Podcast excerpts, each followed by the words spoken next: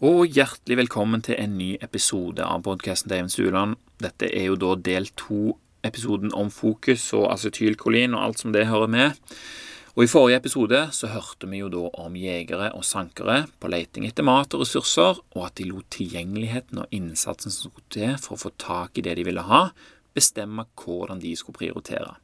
Uansett hvor mye overlevelse det har brakt med seg for våre forfedre, så er vi nå i en tilstand der vi har forma vårt eget miljø såpass mye at tidligere evolusjonære fordeler er blitt noen av de mest innvikla utfordringene vi har.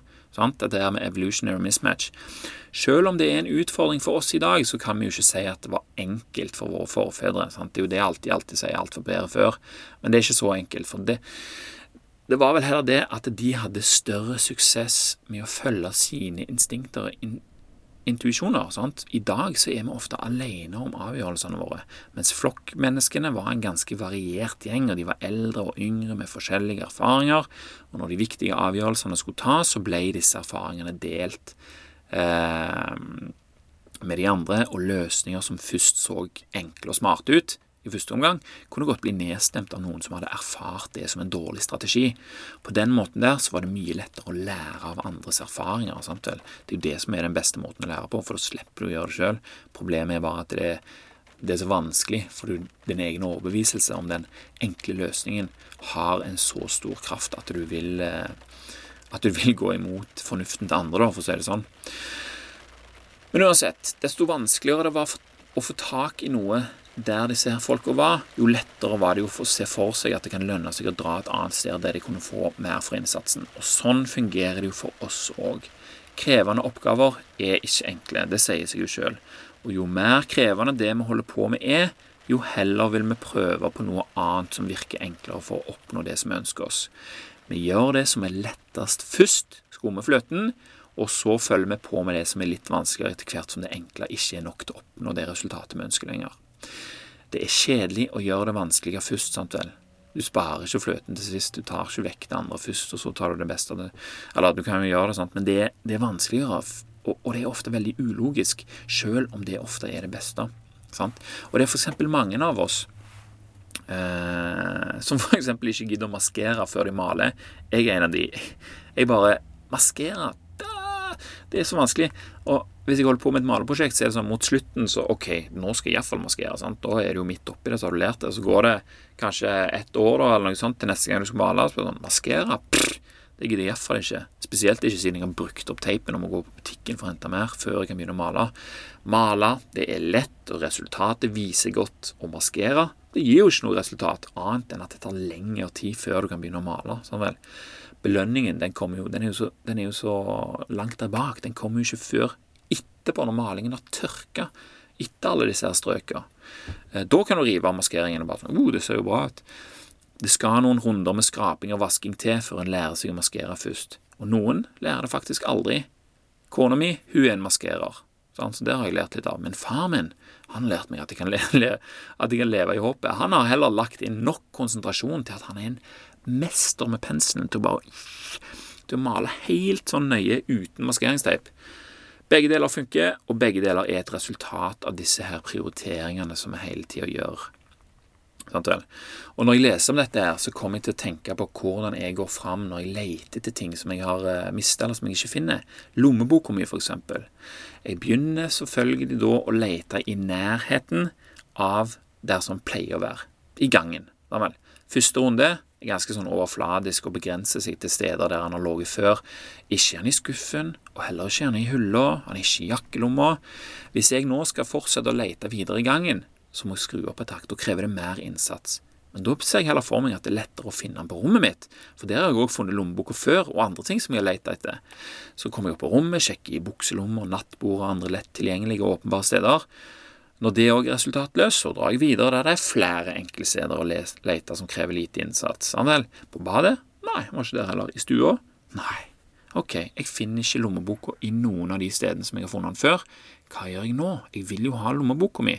Dopaminet gjenkjenner belønningen, og sammen med acetylkolin så skrur jeg innsatsen og fokuset på oppgaven opp et hakk. Til neste nivå. Sant? Jeg blir mer motivert til å finne den, mer motivert til å yte for å finne den.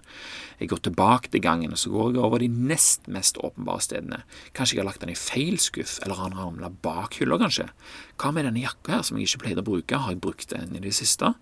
Og så fortsetter jeg med den samme intensiteten på de andre rommene, på soverommet, badet, og sånn. Og for hver runde så eliminerer jeg flere og flere steder lommeboken kan være, og konsentrerer meg mer og mer om oppgaven. Sant? Det blir mer og mer intenst.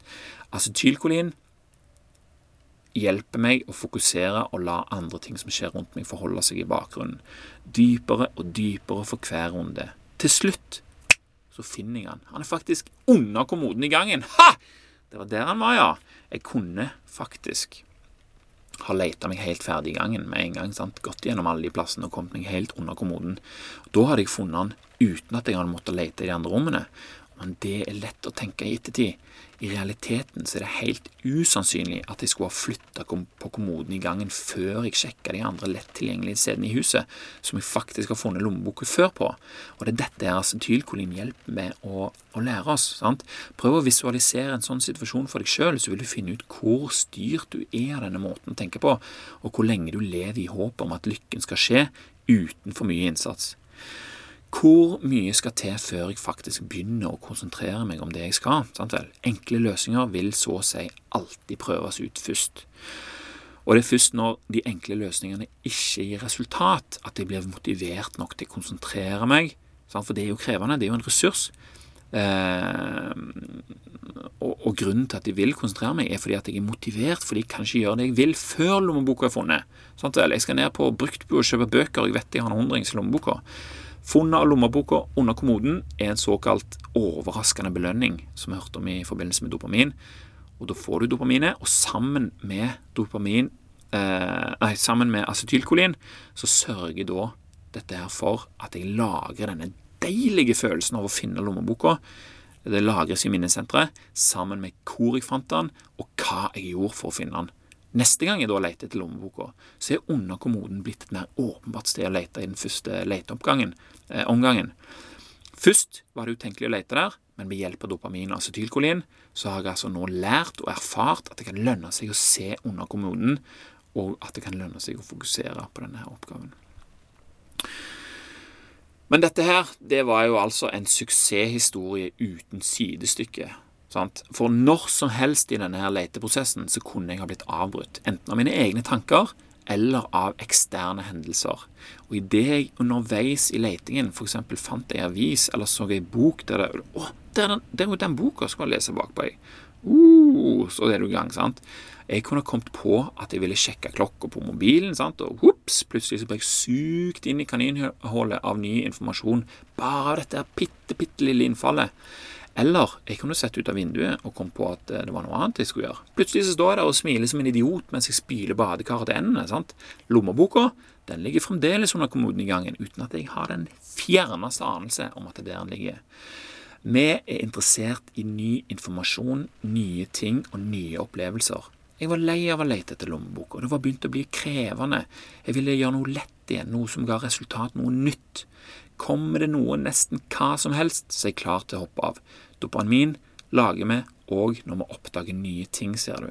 Og det har vi gjort mange nok ganger til at vi vet at vi kan få det hvis vi bestemmer oss for å avslutte den krevende oppgaven vi driver med.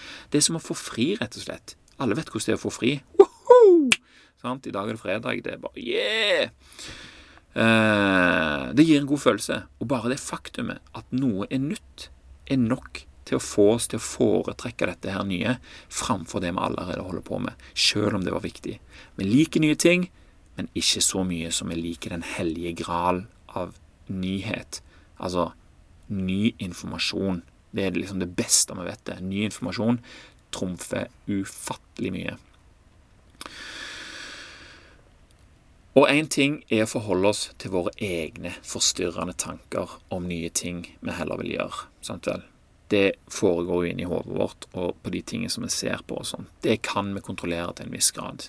I alle fall mer enn en annen ting eh, som kan forstyrre oss, nemlig de eksterne forstyrrelsene som vi blir utsatt for. Mange av de har vi faktisk sjøl lagt rette for at skal kunne forstyrre oss. Så glad er vi i ny informasjon. Se for deg at du leter etter bankkortet ditt. Du aner ikke hvor du er. Akkurat sånn, akkurat sånn som jeg gjør med lommeboka, men du konsentrerer deg. Du går metodisk igjennom etter hvert sant? alle stedene du kan tenke deg at det ligger. Plasser det har ligget før, steder der du har vært, hva for noen klær du hadde på deg, hvem du var med. Du prøver å finne tilbake når du vet du hadde det sist. sant? Konsentrerer deg, det er krevende. Du har fokusert.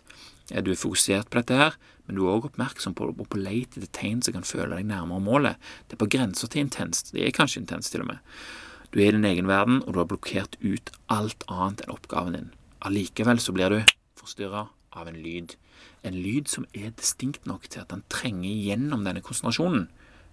Og lyden, og, og grunnen til det er fordi at du vet hva denne lyden her betyr. Den har du hørt før. Du vet at den betyr ny informasjon. Du vet ennå ingenting om hvor viktig denne her informasjonen er for deg. Det, det, det er ikke viktig. det, det er viktig for deg å finne ut av dette. Holder, det holder at det er nytt, og at det bærer potensial av viktighet med seg. Det er det du tenker på. Oh, det kan være viktig. Og du reagerer på denne lyden her som ei rotte i et eksperiment, altså, for du har gjort det så mange ganger før. Og du vil finne ut hva dette har med deg å gjøre, og hvem som kan være involvert. Er det viktig? Vet ikke. Men dopaminen som fosser inn i pannelappene dine, forteller deg at det er viktig. Men hva med kortet ditt, da? Det òg er viktig. Klarer du å holde fokuset ditt og vente med å finne det eh, ut av denne nye informasjonen til du har vunnet kortet. Sant? Denne nye informasjonen her er mye mer spennende enn den gamle, kjedelige oppgaven med å finne bankkortet ditt. Hva hender med fokuset om du prøver å fortsette å lete etter kortet uten å sjekke? Vil du drive og tenke på hvilken slags ny informasjon den lyden du hørte, representerer? Stiller du deg spørsmål og prøver å forutse hva det kan være? Hvem er det som Å, det kan være noen som har svar på den meldingen. Sant? Det, det kan være hva som helst. Og de tankene begynner jo å fyre baki der. Er det ikke like greit å bare sjekke med en gang? Det kan godt være, men uansett hva du gjør nå, så er den fokuserte tilstanden du var i, svekka. Acetylkolin hadde isolert de viktige nervebanene du trengte, og de forskjellige områdene i hjernen din jobba med samme saken. Neural harmoni, sant vel. Men lyden du hørte, var distinkt nok til at han trengte gjennom fokuset ditt, og nå dele fokuset på leiting etter kortet ditt, dele kapasiteten sin, med denne nye informasjonen og potensialet den bringer med seg for deg. Sant? Og det er dette her folk kaller for multitasking, når de driver med to forskjellige ting. Driver og sjekker en melding samtidig som leter. Boom, boom, boom, boom, boom, og det, det, føles veldig det føles veldig godt, det der. Og det, det, selv om det kalles for multitasking, at du gjør flere ting på en gang, så er det egentlig, hvis du ser nærmere på det, så er det fokusbytting. Fokusere på å lete, svare på melding. Fum, fum, fum, fum. Fram og tilbake. Du går fra én ting til en annen og tilbake. Og du blir glad av denne her fokusbyttingen eller multitasking. Ikke fordi at resultatet ditt er så forbanna bra, men det er fordi at du opplever følelsen av ny informasjon hver gang du bytter oppgave. Fokuset ditt rives fra hverandre for hver gang du bytter, og neural harmoni kan ikke opprettholdes på samme måte i denne tilstanden her. Samme hvor mye du diskuterer om det, så er det bare ikke mulig. Du kan selvfølgelig trene det opp, men du vil ikke oppnå det samme resultatet som om du fokuserer på den samme tingen og så gjør deg ferdig med det og bytte til den andre. Eller at du gjør det i omganger. at du tar, Nå tar jeg én time med det, og så etterpå kan jeg heller gjøre det. Da først kan du ha en fordel. Eh, dette her med at det, at det, oppleves som noe nytt. Og en, Saken er jo den at vi har jo så enorme tilgang på ny informasjon som vi lever i dag. Og denne informasjonen her konsumerer oppmerksomheten til deg som er mottakeren, og gjør det vanskelig å fokusere på noe som er mer krevende enn korte artikler og videoer. Sant? En lang og krevende prosess som krever tålmodighet, er det sjelden at vi gidder å gi oss hen med. Tilgang til ny informasjon hele tida fører til at vi alltid vil gjøre noe annet, til og med før vi er ferdig med det vi holder på med. Har du kjent på det noen gang? At du har lest en artikkel, og så, før du er ferdig, så switcher du over til neste artikkel, eller bytter til noe annet. Uh, før du får med deg konklusjonen, liksom. Resultatet av denne overfloden av informasjon er knapphet av fokus. Overflod av informasjon spiser opp lysten vår til å fokusere. Når du har fokusert oppmerksomhet, så vil du bedre hukommelsen din, og du vil bedre evnen din til å fokusere, på ting som er viktig for deg, og du vil være mer til stede med hva det nå enn er du gjør til enhver tid, faktisk. Er ikke det verdt å legge inn en ambisjon om å øve opp denne kapasiteten her? Fokusert oppmerksomhet er en viktig egenskap å mestre om du vil oppnå noe. Så enkelt er det bare. Og det er det eh, Det er det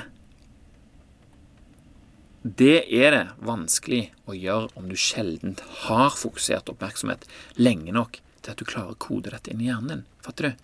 Hvis du aldri har fokusert oppmerksomhet noe særlig lenge, så får du heller ikke trent. Oppmerksomhet er det du trenger for å kunne være produktiv og for å kunne yte bedre. Mengden informasjon tilgjengelig er rett og slett ikke mulig å rekke over. Sånn er det bare. For å kunne få mer nytte av kapasiteten din, da, så er det å være selektiv med hva du vil fòre oppmerksomheten din med, som er strategien å følge her. Og dette er, som med alt annet, en treningssak, samtidig som det er en praktisk sak. Det skjer ingenting før du begynner med det. sant vel? Det nytter ikke å vite om det. Så hva er det da som kan hjelpe deg med å holde på oppmerksomheten din i lengre strekk? Til å begynne med så trenger vi altså da litt belønning i sikte. Og vi trenger òg å ordne til miljøet vårt, sånn at de fleste unødvendige forstyrrelsene er tatt vekk. sant vel? Vi fjerner muligheten deres til å forstyrre oss. Ha, sånn. Nå kan forventningen om hva du skal lære deg, og hva du skal oppnå, sette i gang dopaminproduksjonen, og ditt tilpassa miljø gjør at acetylkolin kan gjøre sine triks og gjøre deg motivert og fokusert uten at du blir forstyrra og revet ut av denne tilstanden her. Kommer det likevel forstyrrende elementer inn i bildet, så er det nå du skal øve på å holde de ut forbi oppmerksomheten din. Gir du etter for den forstyrrelsen, så taper du. For hver eneste gang du gjør det, så taper du faktisk. Men ikke bli lei deg, for hver gang du ikke gir etter for disse forstyrrelsene her, så forsterkes din evne til å fokusere, samtidig som din tendens til å gi etter for disse forstyrrelsene her svekkes. Du kan klare å ignorere fristelsen av å gjøre noe som er enklere enn det du holder på med. Sant vel? Du vil finne ut at du vinner i lengden ved å gjøre det på denne måten. her. Etter hvert så blir du til en person som ikke hele tiden leter etter den enkleste løsningen med høyest avkastning. Du vil være den som er villig til å gjøre det arbeidet som faktisk kreves av deg for å nå målet ditt. Så da er det da opp til deg. Vil du være en person som drømmer om hvordan du vil ha det, og sløser vekk både tiden og ressursene dine mens du gjør det? Eller vil du være en person som jobber for det du vil ha, og som fortjener hver eneste ting du klarer å oppnå. Ho-ho! Hva sier du? Vi lar det henge der, folkens. Det var det. Hvilken person vil du være, rett og slett? Og hvor mye acetylkolin klarer du å produsere for å gjøre noe med denne saken her? Takk for nå. Takk for meg, og tusen takk til deg som hørte på. Vi snakkes neste gang.